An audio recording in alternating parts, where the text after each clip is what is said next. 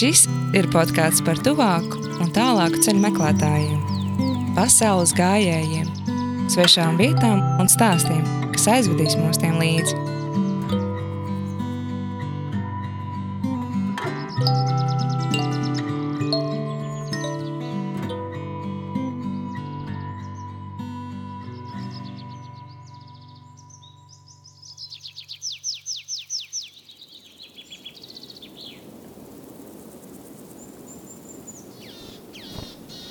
Es pamodos un nodomāju, vai tik nav savu jāiekniem, lai pārliecinātos, ka šis nav sapnis.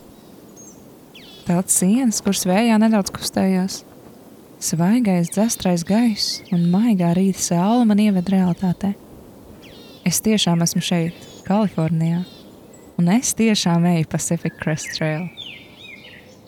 Kopumā man bija sajūta, ka esmu mazs, tikko piedzimis un neveikls žirafs bērniņš kas no mājīgās mammas dzemdas ir izmests ārā mežonīgajā savannā, kur pāris stundās ir jāiemācās izdzīvot.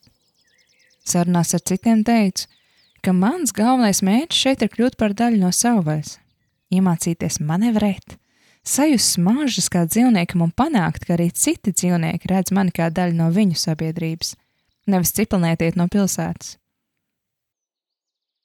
Bet es biju viena pavisam nepazīstamā vidē, kur apkārt glūnēja dzīvnieki nav, kas varētu man nogalināt. Man soma jau tā likās smaga, un mans mistiski traumātais plecs sāpēja katru dienu.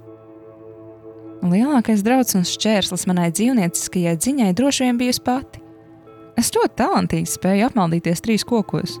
Bieži vien nesu par maz ūdens, un parunājot ar katru jauno svešinieku, man uznāk paranoja, vai tik es šim cilvēkam neliekos kaitinoši.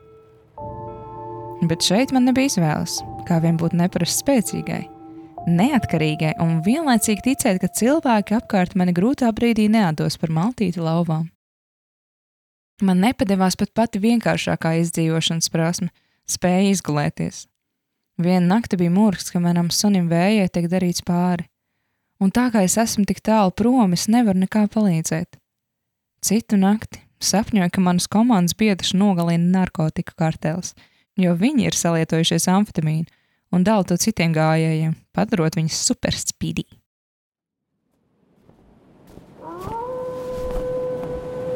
Arī daba man nepalīdzēja. Naktī žilbināja pilnmēnesis, spožs kā latērna. Vējš dusmīgi raustīja telti, un atrast vietu aizvējā bija tikpat kā neiespējami. Kādā īpaši vējainā naktī sapratu, ka gulēt tāpat nesanāks. Tāpēc izmantošu vēsās krēslas stundas un sākšu iet uz priekšu jau ap diviem. Ar kalnu lauvu saucieniem pavadītu, es devos uz priekšu un sāku domāt, ka šis diskomforts patiesībā ir diezgan aizraujošs un liek man justies dzīvē. Un es varbūt esmu gatava arī nākamajam diskomforta solim - mēģināt sadraudzēties ar amerikāņiem Es zināju, ka pacenšoties noiet ap 40 km, nonākšu līdz Maiksplēs, vientuļu vīru mājai, kas pilna ar auto izgāstuves grūšiem. Tās pagalmām bieži nakšņo gājēji, jo tur ir milzīgs ūdens konteiners un veranda ar galdu.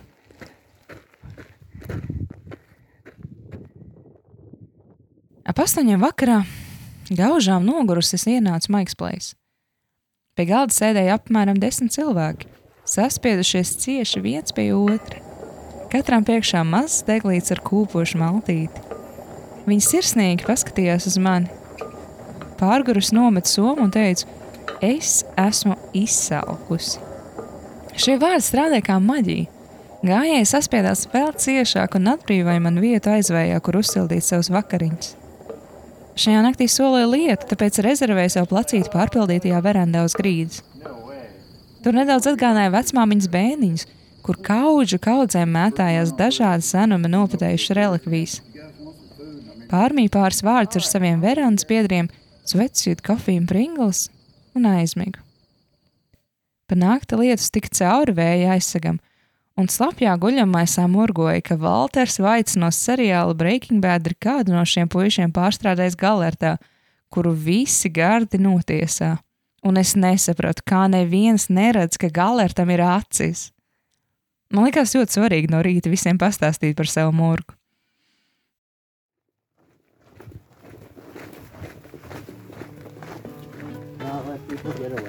Nākamo dienu pavadīju kopā ejot ar svecību. Man auguma, neproporcionāli garām rokām un kājām, ar gaišiem matiem un spēju runāt stundām par visu un neko. Un ļoti spēcīgu midvest akcentu. Oh, yeah, buddy. She's colder than a witch's tit in a brass bra out there. Kādreiz bijis koledžas wrestling komandā, tagad strādāja kā sporta ārsts. Sarunā minēja, ka pāris gadus ēdis tikai dzīvnieku orgānus. Es atbildēju, ka esmu lielākoties vegāns. Lielisks kombo. Savu vārdu svecot iegūst, jo viņam piemīt neticams talants spīst vairāk kā jebkuram citam cilvēkam. Ejot kopā, arī es pamanīju, ka pie pirmajiem saules stariem viņa krekls un cepuri bija jau izmirkuši, un vakarā uz tiem veidojās ievērojama sauleskārta. Vēlāk vakarā nometnē satikām arī Dāniju Johainas un kanādieti Mirāžu. Johainas bija 20-gadīgs galvenieks, kurš jau vadīja savu firmu, ceļot mājas, taisot mēbeles un citādi strādājot ar koku. Brīvajā laikā viņš vadīja skautu nometnes un brauca ar buru laivu. Viņam bija lieliska angļu valoda, bet spēcīgs dāņu akcents. Can you hear the wind? No, no, you can't. That's because we're not in the desert anymore. Because back in the desert, damn, it blowed half a pelican each day. Šī akcenta dēļ viņš ieguva savu vārdu, jo mirāža esot pārklausījusies un no rīta sveicinājis pie telts kā augstību. Jo Hainas bija milzīgs krājums ar nostāstiem un anekdotēm no dāņu dzīves. Izrādās, dāņi ir pavisam traki. Nākamajā vakarā mūsu karavānē pievienojās Squirt. Pārsteidzoši mierīgs un kluss priekš amerikāņu, ar skaistām zilām acīm viņš bija elektriķis ar inženieru prātu, kurš savu vārdu ieguva jo ar paštaisītu pudeli apšakstīja garām gājējus. Arī viņš bija bijis vieglatlēts. We got about another hour of uphill, and then it's pretty cruisy till town. Skvert bijām satikuši pāris reizes iepriekš, tāpēc, kad ieraudzījām sēžam savā teltī un ēdam burrito, ko bija saglabājis no brokastiņa kafejnīcā, mēs nometāmies viņa telts priekšā un iesaistījām sarunā. Tobrīd Svetsūds stāstīja, cik viņam jocīgs pēdas, jo hokeja traumas dēļ tās tagad katra izskatoties citādi. Protams, likās svarīgi uzreiz vilkt no sasvīdušās botas, lai šim jaunajam draugam ļautu ievērtēt, kā tās izskatās. Ļoti pieklājīgi.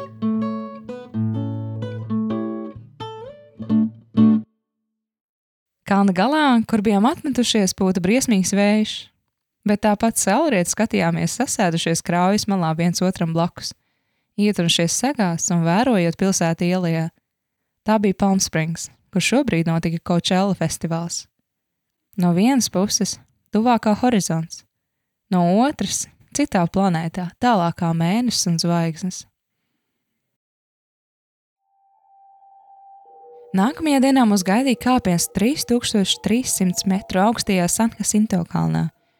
Tā bija pirmā patiesa augstiena mūsu ceļā, tāpēc nedaudz satraucos, jo bija bail, ka nespēju turēt līdz šiem sportiskajiem puišiem. Bet pamazām Solīt pa solītim, ar garām pauzēm un daudz apņēmības es nonācu kalna galā, kur viņi, sasēdušies uz zemes, mani gaidīja. Ierodoties, man paziņoja, ka ir izdomājuši man vārdu - pokets, jo man visiem apģērba gabaliem ir kabatas, kurās glabāju savu iedzīvi. Nākamajā rītā lejā gājām kopā uz pilsētiņu Idlewild, kur nakti pavadījām mazā koka namiņā ēdot gigantiskas pizzas. Kā brāļi un māsas sakāpām lielajā gultā ar kafijas krūzēm rokās. Prātoju, cik jauki būtu ar šiem puišiem vismaz pāris nedēļas noturēties kopā. Bet pāris dienas vēlāk es piedzīvoju savu grūtāko dienu līdz šim. Tā iesākās pavisam nevainīgi. Nakšņiem pie maza strautiņa, kur temperatūra bija nokritusies zem nulles, Tāpēc viss mūsu nometnē bija pārklāts ar sērumu un samietis slapjš. Bija ļoti slikti izgulējusies un nogurusi. Pēc divām nedēļām sausuma beidzot šķērsosim pirmo upi, Mission Creek. Ap astoņiem jau bijām nonākuši pie tās un pavadījām kādu stundu baudot lielisko laiku un kompāniju un žāvējot savu inventāru. Kad viss bija izžuvis, devāmies tālāk. Šķērsojot upi, Taka sāk vīties starp cieši augušiem kokiem. Palika ar vien grūtāk un grūtāk atrast pareizo ceļu, un nemitīgi sanāca nomaldīties. Kad iznācām no upes džungļiem, mūsu priekšā pavērās kāpiens ārā no kanjona. Parasti tas neliktos nekas traks, bet šoreiz visas dabas stihijas bija apvienojušās, lai padarītu šo kāpienu par īstu misiju. Līdz virsotnē es neredzēju nevienu koku, kur ēnā paslēpties, un saule cepināja kā pirtī. Vējš bija tik spēcīgs, ka ielika austiņās savu pāngu plēlistu, un no vēja grūdieniem jutos kā mošpitā.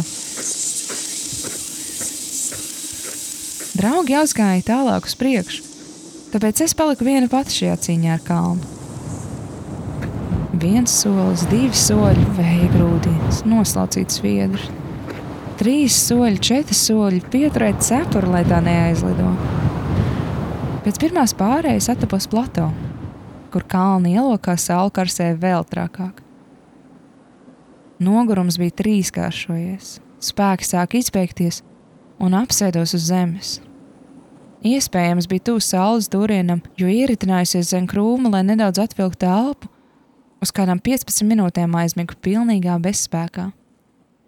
Man bija palicis pavisam maz ūdens, tāpēc nakšņot šeit nevarēja, un nācās vien meklēt sevī spēku turpināt ceļu. Ko gan es no sevis iedomājos, ejot kopā ar jauniem, spēcīgiem puišiem? Es nespēju turēt līdzi. Paskatījos kartē un sapratu, ka pēc stundas nonākšu pie mazas strautiņa ielas malā, un tad būs palicis tikai pēdējais kāpiens pāri otrai pārējai. Ejot uz priekšu no pārgājuma, izgāju cauri visām emocijām, kas manī mīt.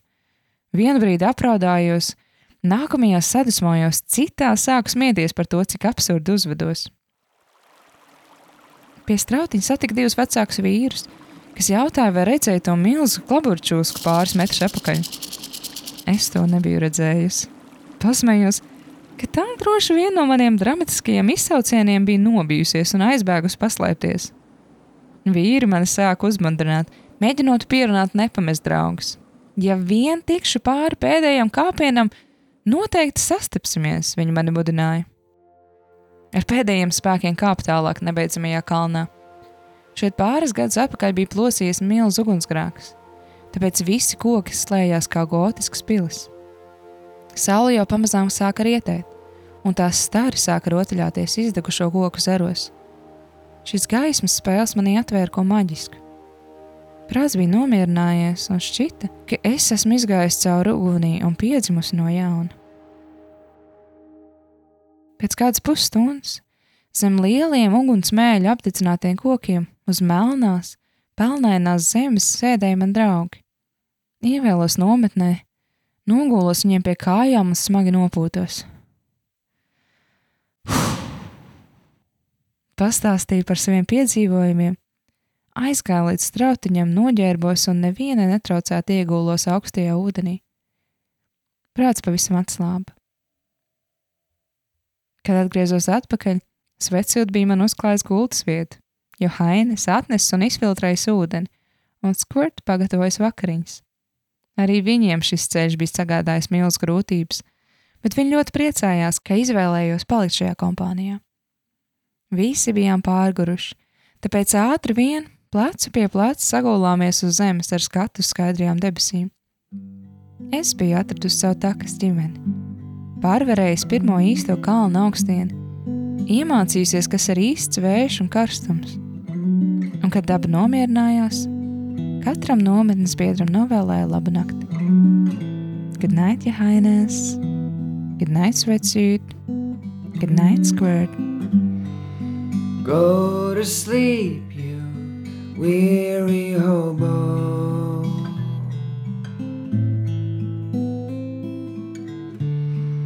Let the town drift slowly by.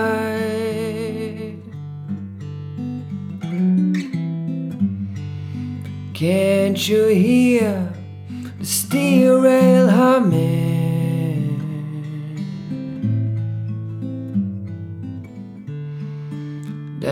It's a hobo's lullaby.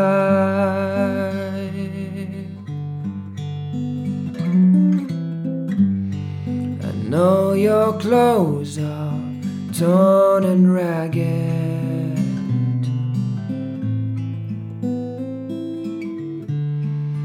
And your hair is turning gray.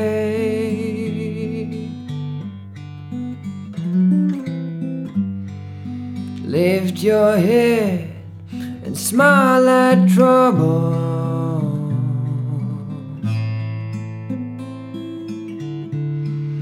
You'll find happiness someday.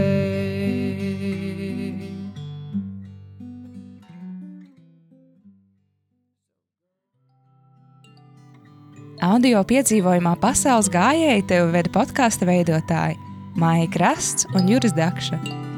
Ja tev ir stāsts, ar ko vēlaties padalīties, raksti mums Instagram un citos sociālajos tīklos uz podkāstu pasaules gājēji. Ievadu mūzikas sarakstījis un izpilda Reins Mačulāns no grupas nometne. Milzīgs paldies lieliskiem Edgara Freša kungam par telpām un aparatūru. Tiekamies dabiņā!